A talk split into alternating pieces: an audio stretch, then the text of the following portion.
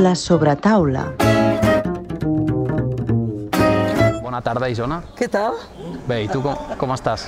Aquí, a l'Ateneu, en aquest pati meravellós, què més vols? Bueno, t'has convertit en la, en la primera presidenta de la història de l'Ateneu barcelonès. Eh, com t'hi trobes? Home, jo m'hi trobo molt bé perquè des dels 16 anys que n'era sòcia, però em, em sembla tan surrealista que hagin passat 160 anys perquè hagi de ser jo la primera dona, que vol dir lo malament que ha anat al món. I feia molt que hi pensaves, en presidir l'Ateneu? Mai. No havia, és que no hi havia pensat mai. I venia de molt jove, vaig estudiar tota la carrera en aquesta biblioteca magnífica, M'encanta perquè tan aviat t'hi trobes els savis de la tribu, els grans historiadors, com la gent jove que està fent actes de filosofia, m'encantava molt venir. Escolta, i com planteges els, els teus pròxims anys en aquest càrrec? És a dir, quins són els teus reptes com a nova presidenta? La primera cosa és potenciar màxim la barreja d'edats, la intergeneracionalitat, perquè aquí, per exemple, en aquest pati es van conèixer el Gaudí i el Jujol, que es portaven 25 anys d'edat i van acabar treballant junts. Vull dir que, mm, per exemple, aquí hi ha una secció de filosofia joveníssima i que fan uns actes que a la sala d'actes esclata de gent, no? Primer deien que era per l'efecte Merlí, però jo estic veient que si sobre un acte sobre la mística hi ha joves que no poden entrar, vol dir que interessa molt la filosofia. És un lloc de cultura, és un lloc de debat, és un lloc intel·lectualment molt potent per qui han passat tots, tots els grans intel·lectuals. Aquí hi ha hagut de president el Pompeu Fabra, hi ha hagut els Domènecs i Montaners, els arquitectes, el Sagarra, el Pla, tot el món literari, tot el món polític, els, les tertúlies de l'Ateneu eren famoses, des de les d'emborrelleres fins a... Jo crec que això ha de tenir continuïtat. I a més l'espai ho permet. És un espai de diàleg. I aquí entres, eh, després de 8 anys, 7-8 anys, al càrrec de, de l'Acadèmia del, del Cinema Català. Sí. Clar, tu quin aprenentatge eh, t'emportes d'aquesta etapa, ara que arribes a l'Ateneu? Home, l'Acadèmia la, ha estat molt fort perquè doncs, hem hagut de mantenir la marca del cine català molt alta, hem hagut de portar el cine català al territori, a 111 poblacions, vam començar amb 8, hem fet coses substitutòries de les institucions que han funcionat molt bé i que han sigut iniciatives i experiències d'èxit, s'ha creat un equip molt potent, per tant me'n vaig tranquil·la perquè jo tinc la impressió que l'equip que queda continuarà i, i seguirà fent la feina que hem fet, no? unes gales dels Gaudí molt dignes, molt debat professional, molt debat professional, perquè de fet una acadèmia agafa els professionals de, de, de tots els àmbits, hi ha des de directors de fotografia, guionistes, eh, directors, productors, i ha, és un lloc de trobada. Bé, ha estat molt bé. I en aquest sentit, em parles d'un àmbit cinematogràfic que ara de sobte, bueno, és com si passés, com si, bueno, has, has passat d'aquest àmbit cinematogràfic a un àmbit, podríem dir, més humanístic, no? Sí, el que passa que jo també penso que, i el cine que he produït és un cine que aniria més en aquesta línia literària cultural, diguem-ne. Uh, la, la gran, el gran avantatge que té l'Ateneu la, la, és que realment és un lloc on, on es respira cultura i es respira una cultura amb una tranquil·litat diferent. Tu vens aquí al migdia o ara i tothom està llegint en aquest pati. Eh? És un niu de Vas, vas a la biblioteca i està planíssima i després la veuràs amb tots els seus frescos a les parets. És un lloc de pau. Vas a la sala d'actes i poden estar parlant de Santa Teresa de Jesús i de Sant Joan de la Creu. I és un ambient de, de molta cultura i de reflexió. I entenc que la cultura en un sentit ampli m'interessa moltíssim. Jo sóc del cine, però també he produït un tipus de cine que és el reflex, eh, que és el reflex de la cultura del país, la cultura catalana. Crec que l'Ateneu té un gran avantatge. Primer, la seva centralitat, està al costat de la Rambla, de la plaça Catalunya, de la plaça Catedral, en aquest triangle. Després la bellesa, és, és, és, estèticament és un palau meravellós. La tradició cultural, i per tant vull formar part de, de la continuïtat del que eh, ha estat aquesta casa de debat cultural, de debat polític, de modernitat, de risc, de llibertat d'expressió en tota la seva eh, profunditat i extensió de la paraula. Vull, vull simplement fer això. Evidentment l'agafo una situació econòmicament feble, i per tant una de les primeres obligacions és remuntar econòmicament la casa perquè l'Ateneu la, té una escola d'escriptura que és la segona escola d'escriptura del món després de la Nova York. Les associacions d'escriptors estan tots aquí, la, el Pen Club, l'Associació Catalana, ja, diguem-ne, eh, s'ha notat molt el, el Covid, el tancar, doncs mm, s'han perdut els socis de, de, de l'Ateneu i, i això ho hem de remuntar ràpidament. Per tant, hem de fer activitats molt potents, molt bones, i hem de guanyar socis, però no guanyar socis en abstracte, sinó socis que ens apugin al nivell cultural, que contribueixin es fiquin a les seccions, les activin. Hi ha la secció de, de teatre, la d'ecologia, la de literatura, la de feminismes, la de filosofia, la d'escacs.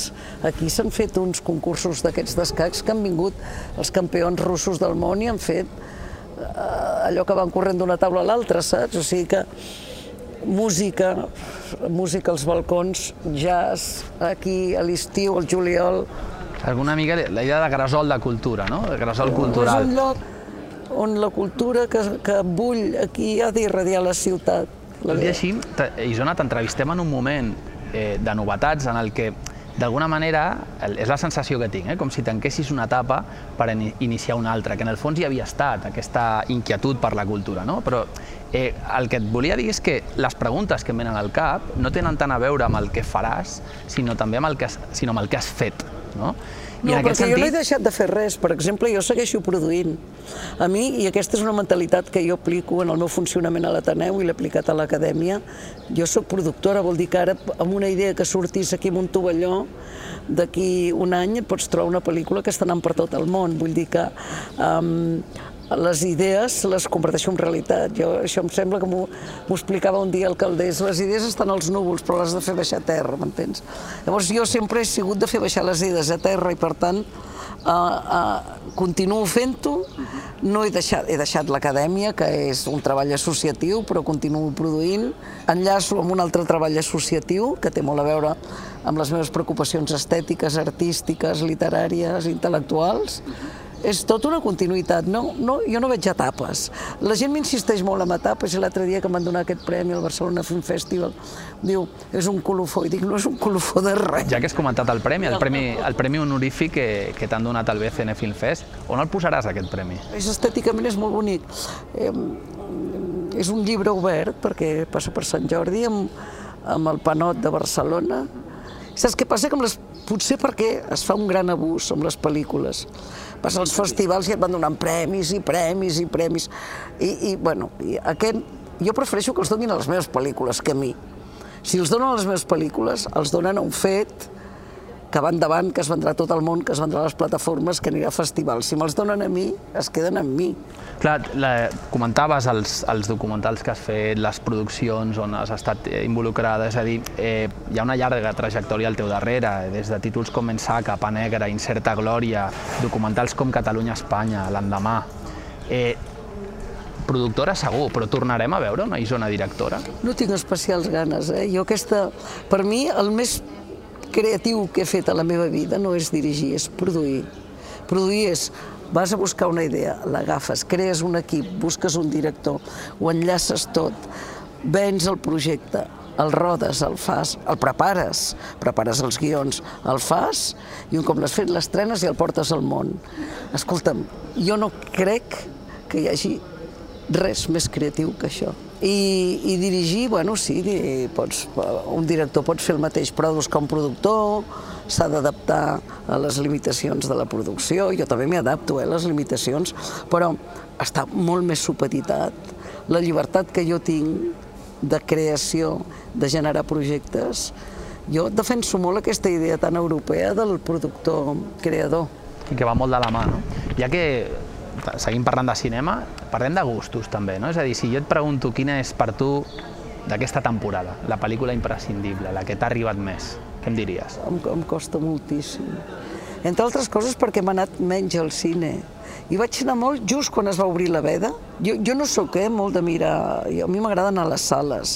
Jo crec que el lloc on es veu bé el cine és a les sales, amb silenci, amb una pantalla eh, neta, amb un bon so si plores, plores amb tothom, si rius, rius amb tothom, si passes por, passes por amb tothom.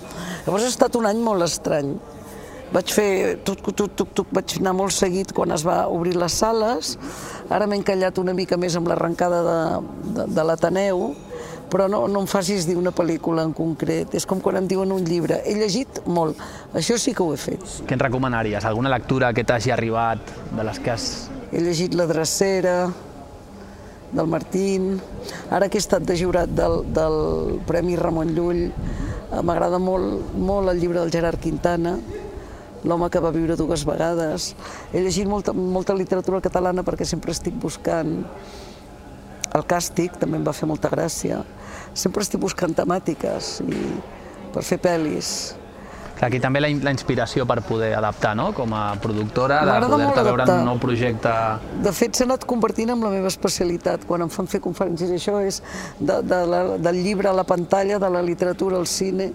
S'ha convertit molt en la meva especialitat i treballo amb guionistes que saben fer la transposició o que, que a mi m'agrada com la fan. Seguim parlant de, de gustos, eh? és a dir, un director de referència, amb qui penses?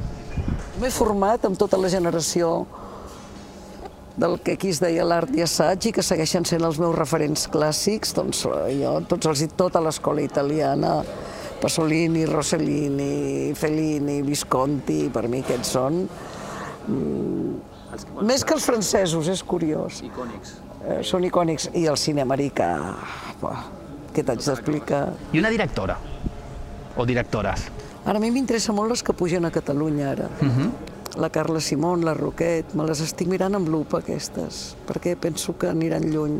Ja hi ha un Neus camí per endavant. Vàries, vàries. I premiades als Gaudí, però, però vaja, que... Clar, em i això fa, em, em fa molta pensar... gràcia perquè m'agradaria que, que sortís un valor potent. Clar, penso també, o sigui, una actriu, una actriu que, que diguis, bueno, en una producció, o no, és igual, però una actriu que realment t'inspiri, eh, no, no, hi ha hagut una escola d'actrius bestial a Catalunya, que han nascut del teatre independent, del teatre lliure, del teatre nacional. Aquí hi ha hagut un teatre de primera categoria que s'ha copiat a tota Europa i que s'ha exportat a tota Europa i hi ha autores teatrals impressionants i després hi ha hagut tota una generació d'actrius bestial que han sortit del lliure, vull dir, algunes ja no hi són, la Lisaran, la Novell, l'Elias, que encara per sort la tenim viva, hi ha hagut, i, i tots els joves que totes les joves que pugen, la Conejero, eh, totes les joves. A mi m'encanta l'Elisabet Casanovas, eh, no sé, eh, hi ha una...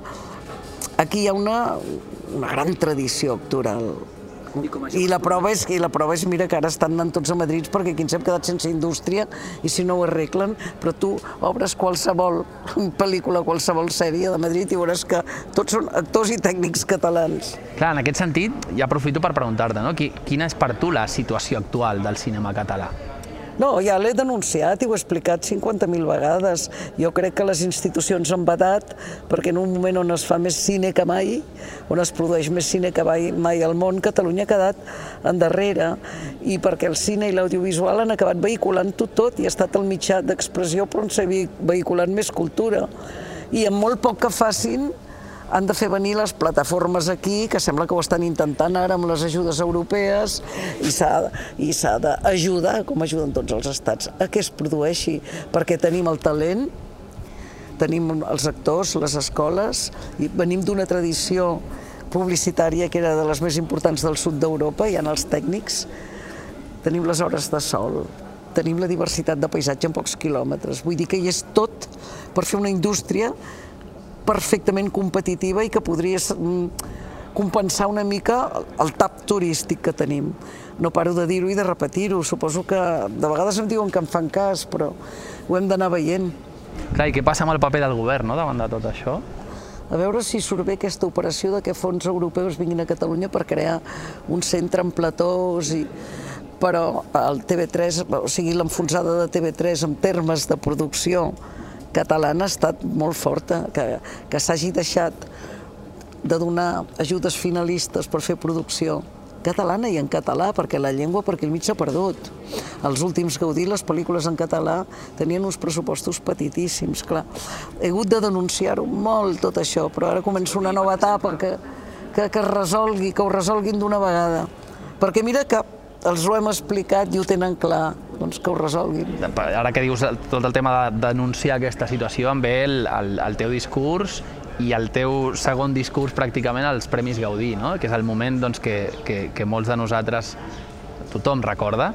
Eh, en aquest sentit, quin balanç fas dels Premis Gaudí 2021? Home, els Premis Gaudí és veritat que, que han guanyat molt prestigi, les acadèmies fan els premis perquè la gent vegi el reflex del cine del seu país que voten els professionals entre ells i per tant els que hi entenen més s'ha mantingut molt alta la, la imatge de marca del cine català això hauria de correspondre amb una voluntat de les institucions de que hi hagués un cinema i un audiovisual català molt potent. Com et dic, això s'aconsegueix amb ajuts institucionals i amb participació de les televisions i amb infraestructures.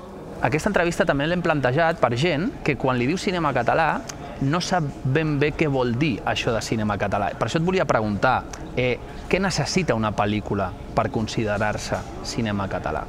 Mira, el cinema català és senzillament el que està inscrit a la Generalitat de Catalunya, que vol dir que té un mínim de capital català, un mínim, es demana un mínim, em sembla que és un 20%.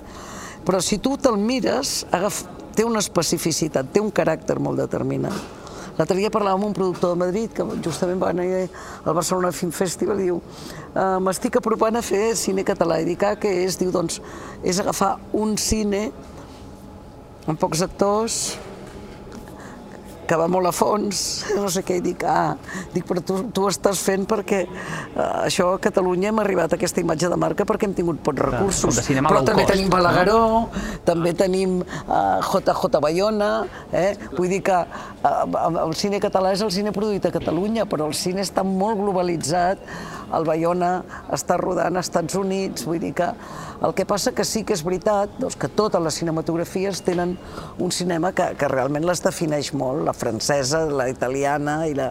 Eh? I ja que dius el, de Jaume Balagueró, no és, no és el mateix Jaume Balagueró de Rec que de Mientras duermes, no? És a dir, aquí són, pots veure que, que el cinema català pot jugar a dos pressupostos el, el molt contrastats. Mientras duermes és una pel·lícula extraordinària totalment, per mi. Totalment. Per mi, oh, és de les pel·lícules que he passat més por de la meva vida. També et volia preguntar, dins aquests dubtes que pot tenir la gent, l'Acadèmia del Cinema Català, eh, quina és exactament la seva funció? Com la descriuries? Com totes.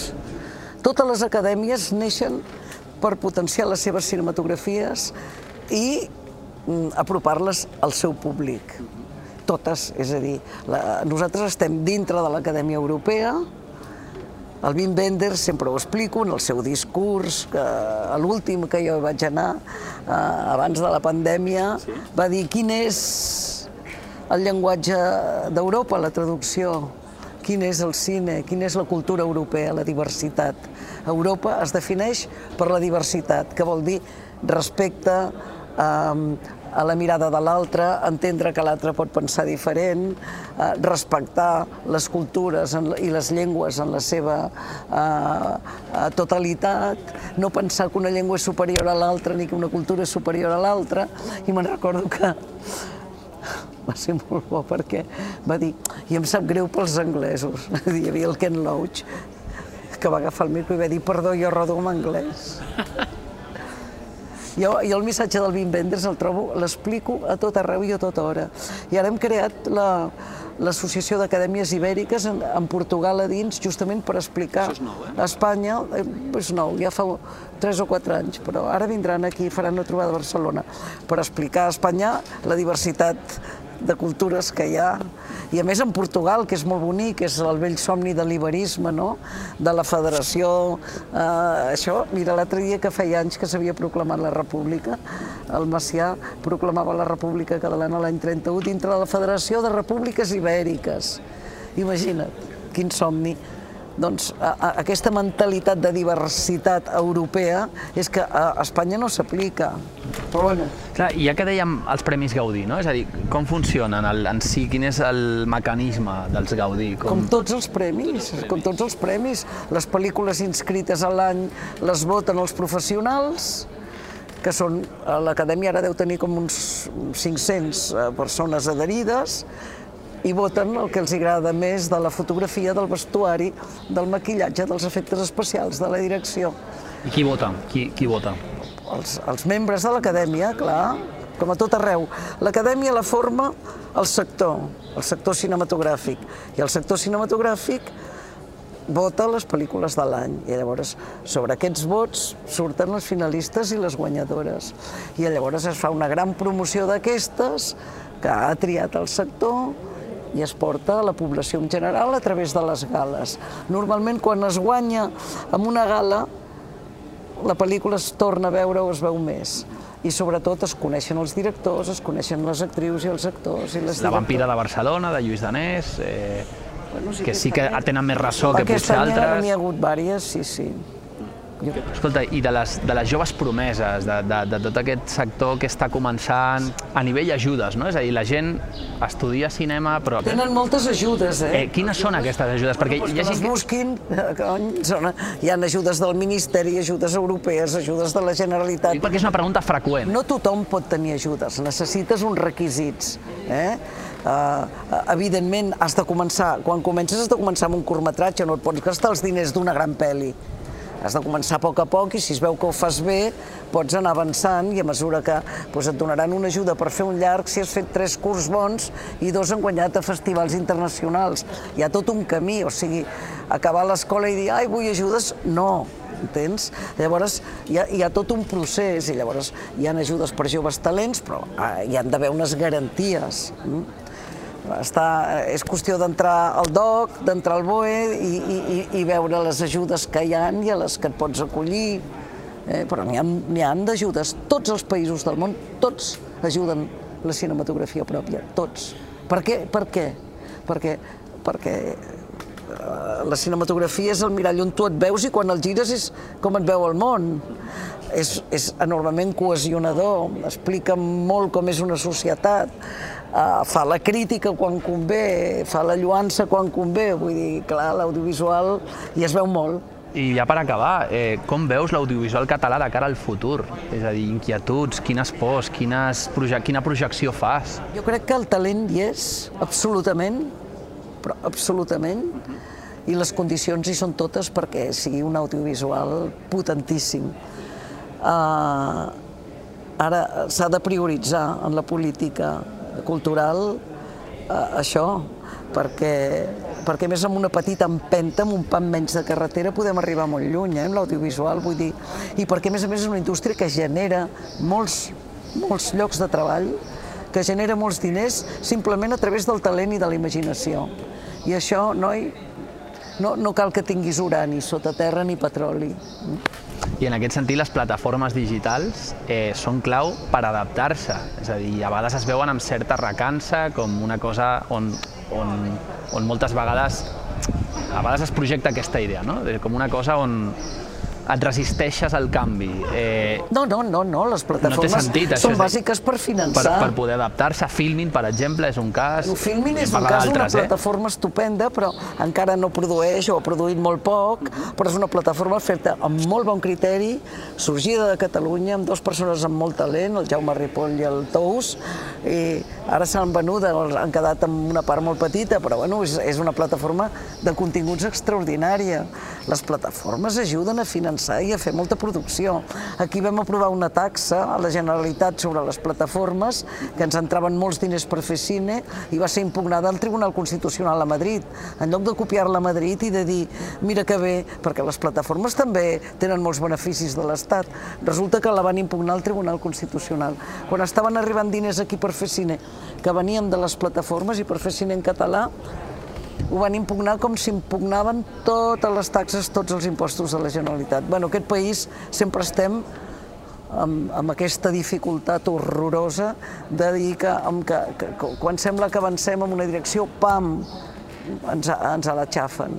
Això no vol dir que no ens haguem d'espavilar, però bueno, en aquest cas ens havíem espavilat i molt i havíem fet una mesura que, similar que feien a molts llocs d'Europa, i que en lloc de copiar-la ha quedat avortada, amb la qual les plataformes han campat lliures però no han volgut. Doncs ja per acabar, només eh, donar un missatge mirant a càmera, i aquest missatge sobretot pel, pels professionals, els i les professionals de, del cinema, que, que evidentment t'has adreçat a ells eh, en moltes ocasions, i, i, i, i sobretot el que tenim més fresc, és la, la part de, bueno, el, el teu discurs al Saudí. No paro de dir als meus companys, als professionals del cinema, no paro de dir-los que no abandonin la lluita, que aquesta professió sembla que és molt frívola, però és una professió molt dura, molt dura, que busquin, que vagin a fons, que no es quedin en la superficialitat i que triomfi el talent i que els bons segur que aniran endavant perquè la demanda d'audiovisual al món hi és.